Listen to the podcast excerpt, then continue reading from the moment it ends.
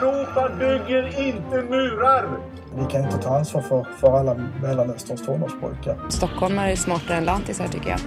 Kladda inte ditt kladdiga kladd! Ja, den där kolbiten den har varit med så mycket så den har ett eget Twitterkonto faktiskt. Our country is going to hell. Hej och välkommen till Samhällsvetarpodden. Denna podd ska vi prata om löneavtal och jag som leder podden heter Johan Kovaniemi. Med mig har jag våran förhandlingschef Marcus Fureberg och vår chefsekonom Katarina Lundahl. Hej! Hej! Så dagens eh, avsnitt kommer att handla om löneavtal och eh, med fokus på sifferlösa avtal. Och det är därför som jag tycker det var bra att få med er två. Så skulle ni kunna kort börja med som en kort presentation. Eh, Marcus, du var ny för podden. Skulle du kunna berätta lite om vad du gör på förbundet? Ja, som förhandlingschef då på Akademikerförbundet SSR så är man också chef över förhandlingsenheten eh, arbetsrätt och förhandling. Eh, där jobbar alla förhandlare i Akademikerförbundet SSR och, och vi täcker hela landet både med lokala tvister och centrala kollektivavtalsförhandlingar. Och Katarina, du har varit med förut men eh, berätta lite, vad har du jobbat med de senaste månaderna?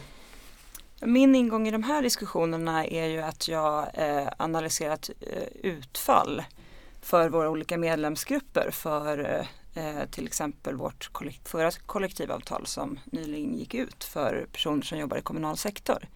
Eh, och eh, liksom har varit med lite i debatten och i, i debatter om just eh, eh ja, liksom den svenska arbetsmarknadsmodellen och de här sifferlösa avtalen som ibland får en del kritik. Så det det är väl min bakgrund i den här frågan.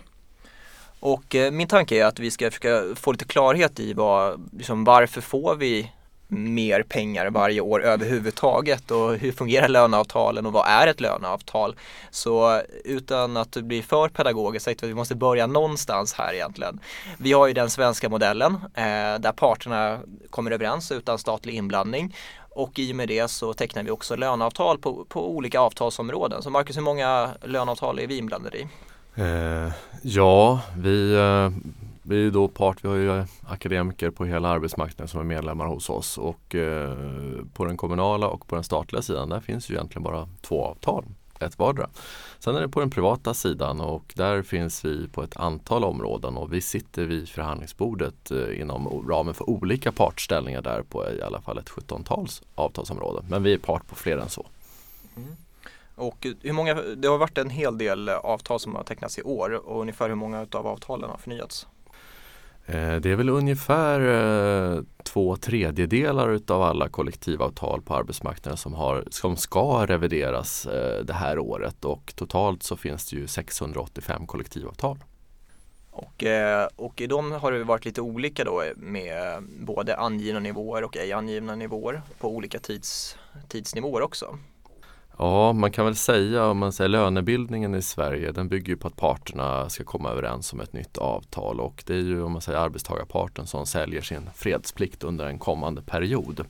Och eh, den utgår ifrån så, det så kallade märket kan man säga där parterna inom industrin och varför har man kommit överens om att det är parterna inom industrin som ska sätta märket i Sverige? Kanske Katarina kan säga något om?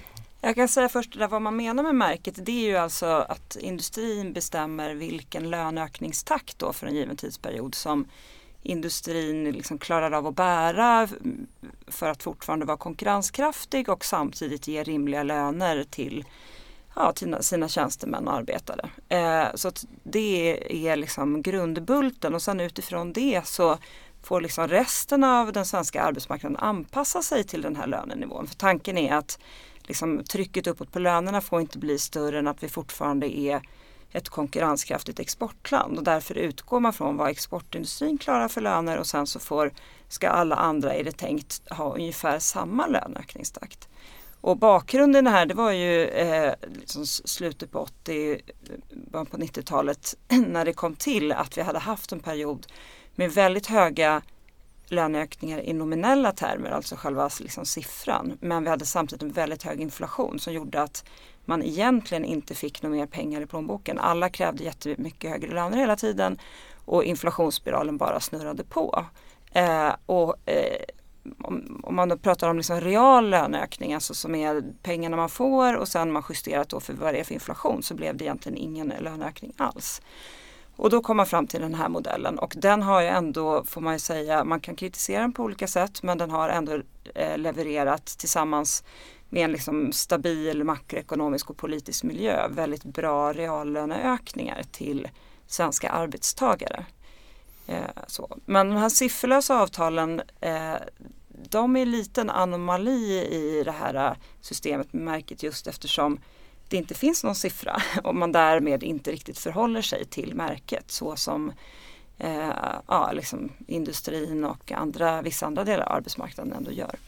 Ja, jag tänkte att vi skulle återkomma till just den avtalskonstruktionen lite senare. Om, får se om den utmanar eller om den behöver utmana egentligen. Men det är helt riktigt. Sverige är ju extremt exportberoende och klart, går Sverige bra, då är det bra för alla arbetstagare i Sverige. Och eh, även våra medlemmars löner är kopplade till eh, om man säger, hur bra ekonomin går i Sverige också i, i realiteten. Så att vi tycker att eh, märkessättningen är bra. Sen har vi viss del kritik mot den. Den hanterar inte riktigt alla frågor. Och eh, när man väl kom överens om den här ordningen så kom ju den till när vi hade vissa problem med ekonomin. Nu har vi egentligen andra problem med ekonomin. Och då är det i så fall, lyckas vi parter på något sätt uppdatera den här modellen så att vi kan ta hand om de problem vi ser idag. Och det är mm. där jag vill se en utveckling. Det kan vara kul. Mm. Och när det kommer till just märket då eh, jag tänkte just det var en sak som, som du sa Katarina just om mm. reallöneökningar. Mm. Och reallöneökningar är väl då egentligen eh, löneökningar eh, nominellt minus inflation egentligen. Mm. Att vi blir de facto rikare då mm. för varje år mm. som, eh, som inte var fallet. Mm. Ehm, men, eh, men det, det var sedan 1997 märket ungefär. Mm. Ja, industriavtalet tecknades ju 97 ja, så ja, sen dess har man haft den här där man kopplat till eh, Eh, inflationsmålet då och där brukar man hänvisa till Riksbanken och eh, där har ju parterna kommit överens om eller i alla fall den fackliga sidan sagt att man siktar på det här inflationsmålet som Riksbanken sätter på 2 och då försöker man alltid om man säger det är bättre att vi är stabila istället för att vi ska försöka jaga inflationen år från år och kasta oss ner och kasta oss uppåt. Så säger vi, vi utgår ifrån att inflationen kommer att vara att Riksbanken gör sitt jobb och når inflationsmålet på 2% och sen utgår vi från att vi eh, behöver löneökningar därutöver. Så, så det har väl varit ett sätt att försöka hitta en stabil eh, del in, inom ramen för lönebildningen. Ja. Jag tänkte på en internationell utblick så har ju inom Europa så har ju reallöneökningarna varit sämre än i Sverige mm. och eh, det här kan man ju på, på den fackliga sidan liksom koppla till då eh, till märket och industriavtalet och säga att kolla vad bra det går i Sverige tack vare, och det kanske inte är hela sanningen men det är en, en del av förklaringen i alla fall. Eh, men tittar man lite mer globalt så går, har, ju, har reallöneökning över 40 år sett bra ut i Sverige men andra industriella länder har inte alls haft en samma form av reallöneökning. Vad, vad är er analys av det här? Alltså det har ju flera faktorer och jag tror att liksom den här stabila miljön med en låg inflation eh, och liksom löneökningskrav som inte drar iväg och liksom blir någon slags uppåtgående spiral. Det, de två sakerna har ju skapat en grundstabilitet. Sen gjorde vi i Sverige också en hel del reformer efter finanskrisen på 1990-talet som har varit väldigt viktiga för den stabilitet vi haft därefter. Vi fick en mer välfungerande ekonomi, eh, ett mer välfungerande skattesystem. Man gjorde en stor skattereform i början på 90-talet. Eh, man eh, liksom liberaliserade en del olika marknader som telekom och så.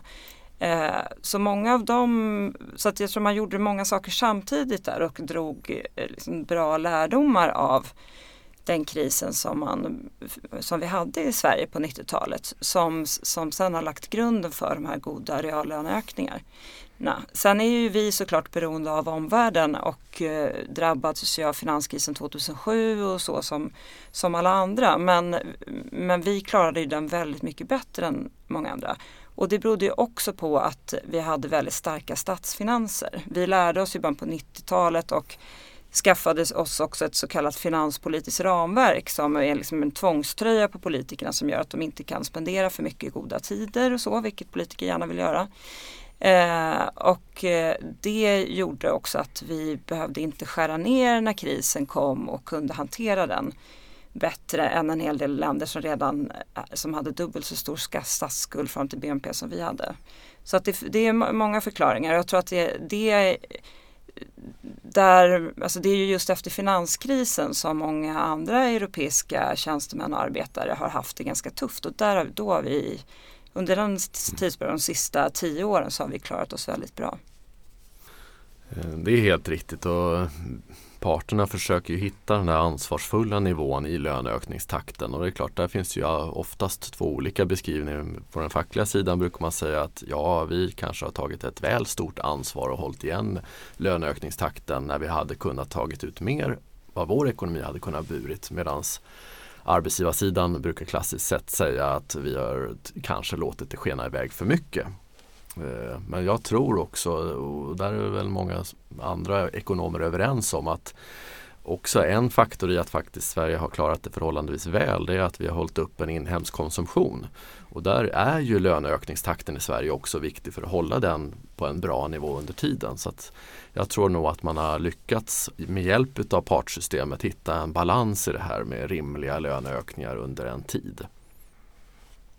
Om, eh, om vi tittar på de, eh, alltså om vi tittar på skillnader mellan eh, de olika löneavtalen och, eh, och tittar på den ej angivna nivån jämfört med att eh, alla i stort sett ska få lika mycket eller att det ska finnas ett visst utrymme som är klart definierat centralt. Eh, vilka, vilka utav, vilka, inom den fackliga sidan, hur skiljer sig tankegångarna och strategierna här? Marcus, skulle du kunna utveckla lite?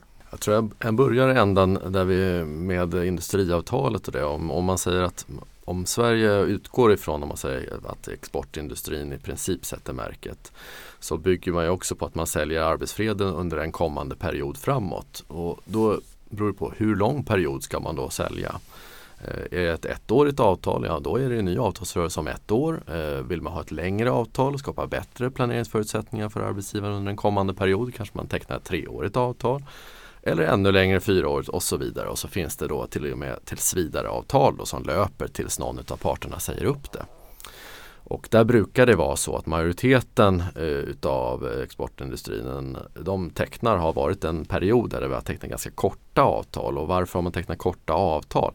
Ja, det är att man kanske har varit, det är en väldigt osäker omvärld och man vet inte riktigt var verkligheten har tagit vägen någonstans. Och då vill man inte binda upp sig för långt för att kunna kalibrera nästa års kommande löneökningstakt eller andra om man säger, åtgärder som behöver vidtas för att förbättra förutsättningarna.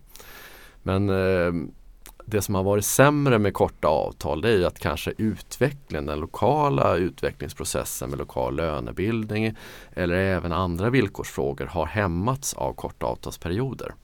Och nu har man kommit överens om en treårsperiod och också kopplat ett eh, partsarbete kring det där man som parter kan jobba vidare på och förbättra förutsättningarna ute på företagen och i verksamheterna på kommun och landsting. Och vad händer då?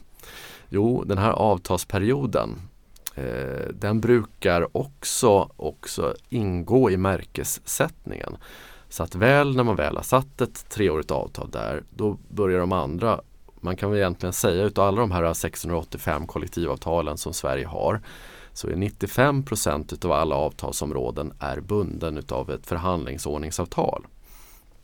Vad är ett förhandlingsordningsavtal? Jo, det är ett avtal som säger att ja, parterna på det avtalsområdet förbinder sig i princip att följa då den här märkessättningen och låta den konkurrensutsatta sektorn gå före. Och då brukar det omfatta både om man säger eh, löneökningstakt och avtalsperiodslängd och så kan det även ingå vissa andra villkorsfrågor.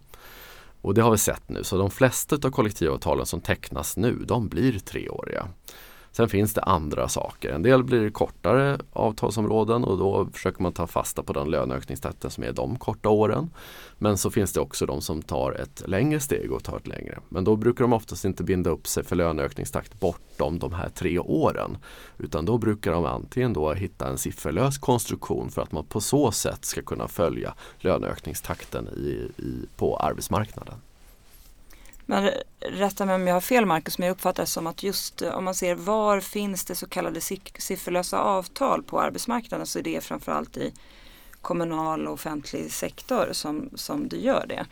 Eh, och, och, och, för att upprepa igen vad ett sifferlöst avtal är så är det alltså att varje individ inte är garanterad att få en viss löneökning utan det är någonting som man förhandlar fram lokalt. Sen finns det såklart, avtalet är för den skull inte tomt. Det finns en massa annat i avtalet ändå. Självklart om, om hur de här processerna ska gå till och så. Så att alla får liksom eh, ändå på något sätt en rättvis chans att få en, att få en, en bra löneökning. Eh, men jag tänker att eh, jag tror att en bakgrund till att man har sifferlösa avtal i de här det är för att skapa en, en lokal flexibilitet. Eller det är ju ett av de uttalade målen och eh, eh, med tanke på hur lönestrukturerna i Sverige ser ut idag så kan man förstå att det behövs. Eh, för att det är ju så att eh, många, liksom i kommunal sektor till exempel, så jobbar många kvinnligt dominerade akademikergrupper som har Eh, ja, de kanske inte har så jättelåga ingångslöner men liksom man ser lönen över eh, hela liksom arbetslivet och slutlönerna är låga. Och betydligt lägre än i privat sektor och särskilt låga i förhållande till manligt dominerade akademikergrupper i privat sektor.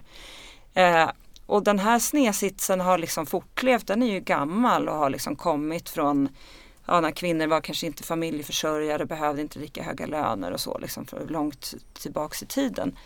Eh, men på senare år så har, det ju skapat har de här låga lönerna lett till en liksom bristsituation som vi inte riktigt tror jag har upplevt tidigare på samma sätt. Det är klart det har alltid varit lite brist på lärare och sjuksköterskor eller och läkare framförallt kanske och sjuksköterskor. Men men just nu så är det, har den bristsituationen kommit till lite nya nivåer och det finns några olika skäl till det tror jag. Dels är det att vi har en väldigt stark arbetsmarknad just nu och efterfrågan generellt på eh, akademiskt utbildad personal i hela ekonomin ökar.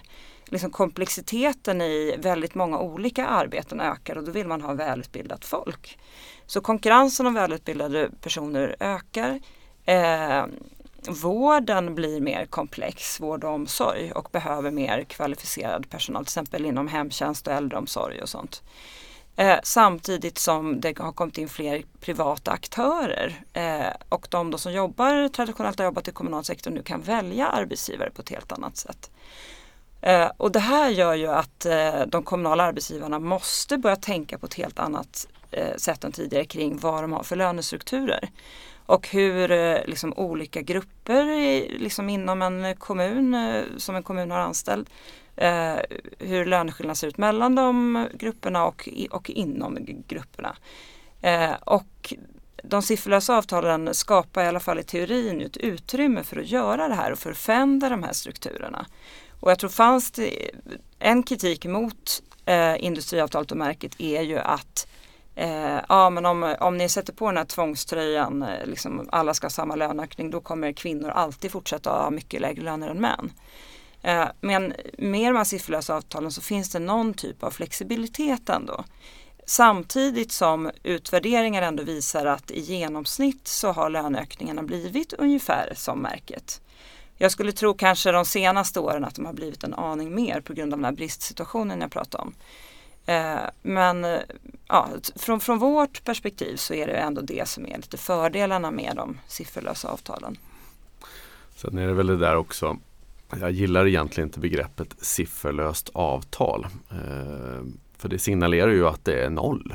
Det det där det utgår ifrån utan det är ju ett processlöneavtal där det finns vissa saker som ska uppfyllas. Och vad är det som ska uppfyllas? Ja det är det lokala löneökningsbehovet som ska sättas någonstans. Och en siffra, det finns det alltid. Det är bara att det inte finns en centralt satt siffra. Siffran är inte satt i Stockholm.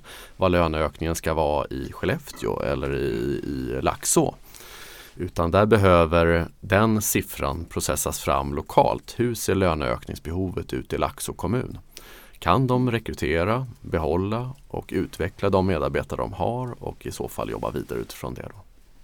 Eh, precis, det, är, det, det, var ett bra, bra tillägg. Eh, och en av, jag tror att erfarenheten också när man hade liksom en, viss, eh, en viss siffra i avtalen, får du gärna komplettera Marcus med din erfarenhet, men det var ju att istället för att den siffran skulle utgöra någon golv så blev den ett tak, att ingen fick mer än en viss siffra.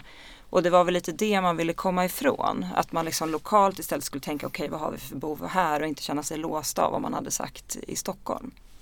Jag tror en av våra lokalfackliga företrädare sa att Eh, i Malmö har vi öppna landskap inomhus och i Umeå har vi öppna landskap utomhus. Så de lokala behoven ser så olika ut och därför så är den lokala lönebildningen och det lokala arbetet extremt avgörande för att kunna tillgodose våra medlemmars behov utifrån de förutsättningar som finns där vi finns också. Mm. Och, det, det är en, och det är också en del av det. Sen är det ju så att man, den här värderingsfrågan, hur värderar vi olika yrken? Eh, där har nog en del yrken i framförallt i offentlig sektor och framförallt kommunal offentlig sektor har inte riktigt hängt med i det. Det har skett en eh, akademisering utav sektorn. Är vissa yrken inom sektorn där man då börjar ställa att det är krav på akademisk utbildning för vissa typer av roller. Och då behöver man också se hur ska vi se till att kunna locka akademiker till de här yrkena. Och har vi väl fått akademiker att söka sig till yrkena, hur får vi dem att stanna och vilja utvecklas inom yrket? Och hela tiden utveckla den här verksamheten för det handlar om också vilken kvalitet och service ska verksamheten tillhandahålla till medborgarna inom den regionen. Så att, eh, jag tror att vi behöver se ett skifte hur man jobbar med lönebildning inom offentlig sektor. Sen är det så att eh, det är ju en sak vad man får för löneökningstakt när man väl har en tjänst och stannar på den och så har man den årliga lönerevisionen. Men sen är det ju också så att folk byter jobb eh, och eh, eh, just nu med den liksom goda arbetsmarknaden så är det ju mycket på det viset som folk får upp sina löner. Att de helt enkelt, det helt enkelt är lite huggsexa om de som finns eh, ute och är tillgängliga för att bli anställda och att arbetsgivare kanske liksom trissar upp lönerna till och med bjuder över varandra. Eh, och, och, det är ju en situation som vi har sett nu de sista åren här och som kanske accentuerats sista året. Eh, och det är såklart bra för eh, de som då får högre löner och som är värda högre löner. Men det kan också leda till lite konstiga lönestrukturer på arbetsplatserna där relativt unga personer kommer in eh, och har ett, får ett liksom höga ingångslöner men kanske också då för, förväntar sig en bra löneökningstakt därefter men liksom ligger väldigt högt i förhållande till andra personer som har jobbat länge. Så att det är ju en stor utmaning just nu i kommunerna. Att eh, dels kunna rekrytera ny personal, ha liksom vettiga löner för dem så att de kan anställa men också in, att det ska inte vara så att man måste sluta för att få en bra lön. Eh, för då, då fortsätter ju den här personalkarusellen och det har ju varit väldigt hög omsättning på akademiskt utbildad personal i kommunal sektor de sista åren. Men jag tror att många kommuner inser det här också och börjar tänka och jobba strategiskt med att belöna erfaren personal och så. Men eh, ja, det behövs säkert mer. Ja, det där jag också håller med om att där behövs nog väldiga krafttag. För ser man nu, även om man sätter ett märke för löneökningstakten, om man har en personalomsättning och det finns ju exempel både på 40 och 50 procent i personalomsättning på ett år. Då klart, då spelar längre inte om man säger den här märket för löneökningstakten någon roll. För det är klart, eh, går du till någon annanstans och som det nu har visat sig när även när bemanningsföretagen går in i offentlig sektor på ett tydligt sätt då kan ju den enskilda individen kanske höja sin lön med 15 000 i ett slag. Och klart, varför ska man då vara kvar om man kan göra ett annat val? Och då kanske kommunen är tvingade att hyra in istället och den notan brukar ju bli betydligt dyrare mm. än den här enskilda lönehöjningen för den här individen. Så att mm. vi är inne i ett skev, skeende nu där jag tror att vi behöver verkligen prioritera hur ska vi ha en långsiktigt hållbar kompetensförsörjning. Och där är lönebildningen en del men det är också hur vi organiserar verksamheten som är en annan. För jag tror att en del akademikeryrken för att, för att eh, sektorn inte riktigt har arbetat och utvecklat den här delen så har det blivit ett genomgångsyrke. Och kommunal och, och även statlig sektor, det är en kunskapsintensiv sektor. Det som är den stora tillgången, ja det är personalens kunskap. Det är inte maskiner eller det är inte andra typer av tjänster utan den stora budgetposten, i princip 70 procent av budgeterna utgörs av personalrelaterade kostnader. Men då är det också där investeringarna behöver göras för att ta hand om den här investeringen och den här kunskapen som finns och att den utvecklas hela tiden så att man också vill stanna och utveckla den kommunala och statliga servicen. För det är där kärnan i verksamheten finns det, finns ju, det finns ju olika typer av eh, avtal när det gäller just eh, liksom, och vad som står i avtalen kring vad man ska få för löneökningar. Eh, en fråga till dig Marcus. Vi har ju pratat en del om sifferlösa avtal men de som inte har sifferlöst avtal, hur ser, hur ser de ut? Och ett ord som jag hör ibland är att det finns då siffersatta avtal med stupstock som är ett begrepp som ja, inte är så självförklarande som du gärna får utveckla. Det är helt rätt. Det finns ju alla olika typer av avtalskonstruktioner och allt ifrån där om man säger det är de centrala parterna som sätter all, alla siffror. Om man säger allt ifrån tarifflöner där man bestämmer i princip hur, hur mycket lön ska en, ha, en individ ha som är inom en ramen för en viss ålder eller en viss grupp och sen går man över till nästa tariff och så tar man nästa om man säger lönenivå till att man då har en, en siffersatt avtalsperiod och bestämmer den årliga löneökningen för kollektivet de åren. Och då kan man också lägga till att mm, en individgaranti, att är man en individ i det kollektivet då ska man minst som individ ha en löneökning på x kronor till exempel. Och på så sätt så kan man som central part binda upp i princip löneökningar på, för varje individ men också för ett kollektiv. Eh, modellen med stupstock, då har man ju en lokal lönebildning där man då att de lokala parterna ska försöka förhandla inom ramen för den här modellen och det här märket som finns. Och kommer man inte överens i det och lyckas hitta en modell där man är överens om fördelning och lönesättning där, då kan det slå till en stupstock. Och då har centrala parterna bestämt att kommer man inte överens lokalt då blir det som den här stupstocken säger. Och då kan det bli ett kollektivt utlägg på x antal procent eller x antal kronor eller man kan eh, göra den här stupstocken på olika sätt och oftast så brukar stupstockens syfte vara att den ska vara Eh, den ska vara lagom otrevlig för båda parter. Att man helst, det ska stimulera att man ska komma överens lokalt. Men kommer man inte överens så slår den här stupstocken till som en garanti kan man säga som man har definierat i det kollektivavtalet. Och där kan man väl också mm, säga om man säger vår modell då, ja eh, för oss det är ingen om man säger ideologi i botten att vi tycker att vi vill teckna om man säger bara sifferlösa avtal. Utan ett sifferlöst avtal eller ingen centralt satt siffra det är en, en avtalskonstruktion som eh, likväl en konstruktion med siffror. Så att, eh, och hur väljer man då i det här? Då måste man göra en analys av eh, avtalsområdet och se vad kan vi komma överens om för våra medlemmar inom ramen för det här avtalsområdet. Vad är utmaningarna?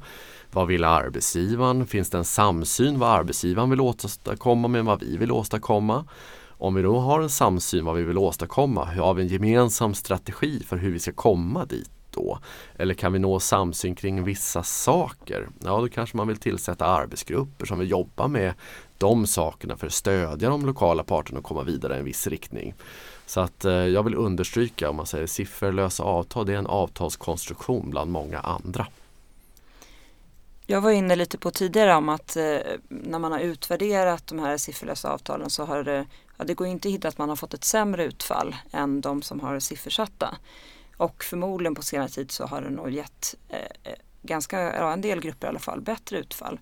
Eh, men det kan ju ändå vara värt att reflektera vad det finns för möjliga baksidor eller, eller risker med sifferlösa avtal. Och en, en sån risk som jag ser det är ju helt enkelt i en lågkonjunktur. När det, så nu har vi haft dem framförallt under en högkonjunktur och det har varit lite eh, arbetstagarnas marknad på det sättet att det här liksom många akademiker särskilt som, som vi organiserar eh, har varit väldigt eftertraktade på arbetsmarknaden. Men i en lågkonjunktur och där kanske de kommunala och statliga skatteintäkterna faller drastiskt och, och, så. Det är klart att då, där är det möjligt att det finns vissa risker med att man inte har någon garanterad nivå. Samtidigt tror jag att liksom sett ur, ur ett längre perspektiv så är ändå de sifferlösa avtalen att föredra. Men, men det är ändå bra att liksom, ja, man ska ju reflektera över ändå vad det, vad det kan finnas för för och nackdelar med olika modeller.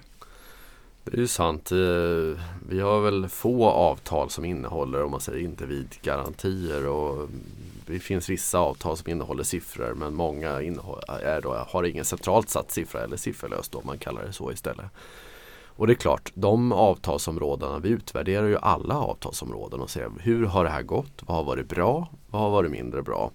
Och det är klart, börjar det uppnås liksom medlemsröster inom avtalsområdet att det går inte, det finns ingen tillit mellan parterna. Man lyckas inte komma överens om löneökningsnivån i relation till vad man har förväntningar på att göra.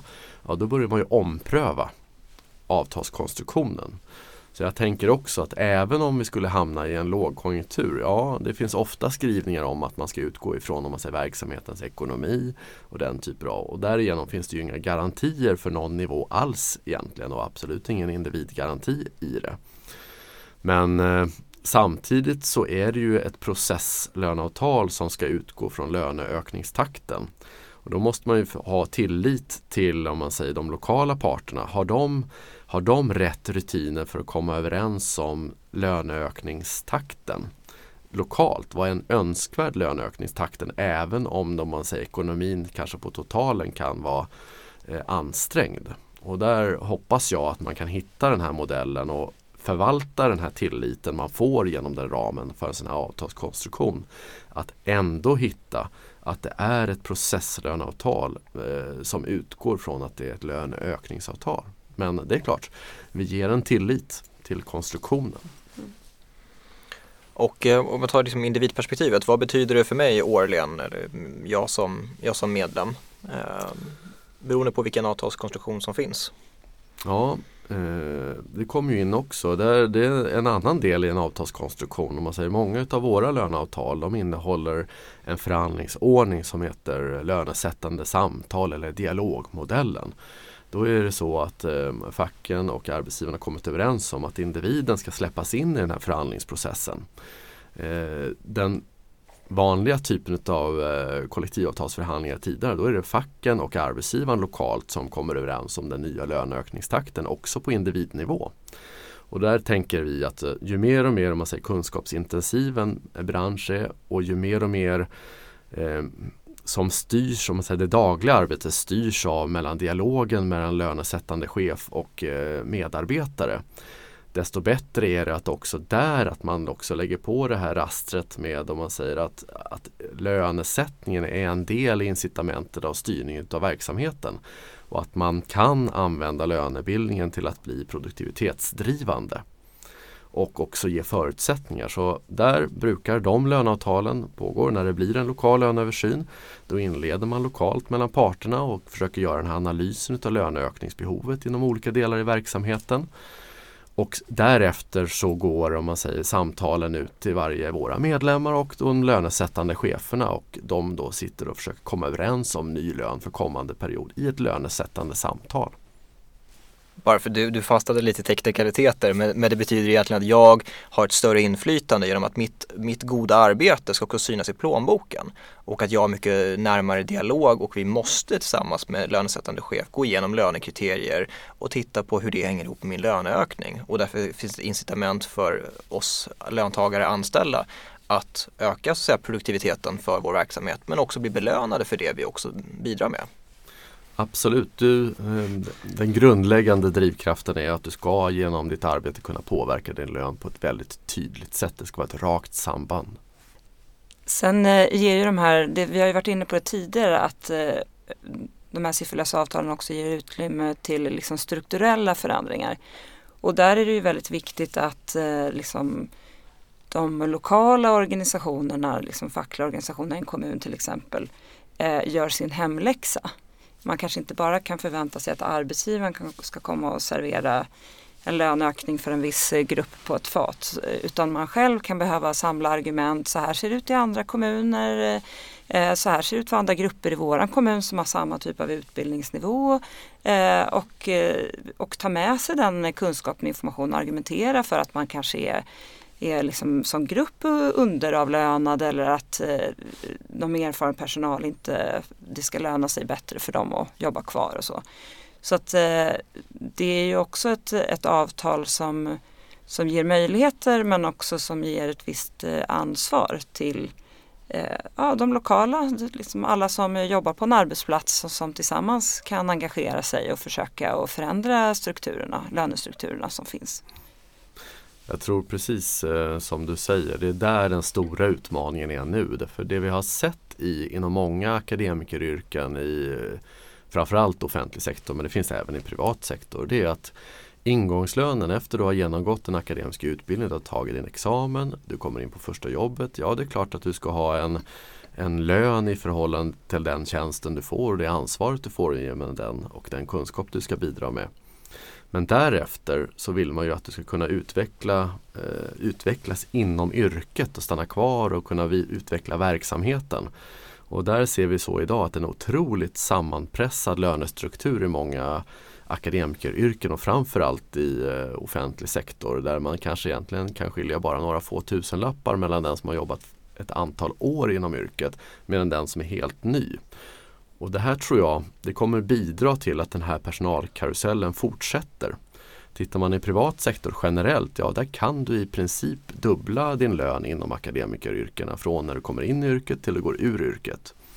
Men, eh, och ska man eh, inom ramen för offentlig sektor kunna skapa de här eh, kunskapsintensiva yrkena och där man faktiskt vill och stanna kvar och utvecklas inom yrket och bidra med den verksamheten, sin kunskap i det.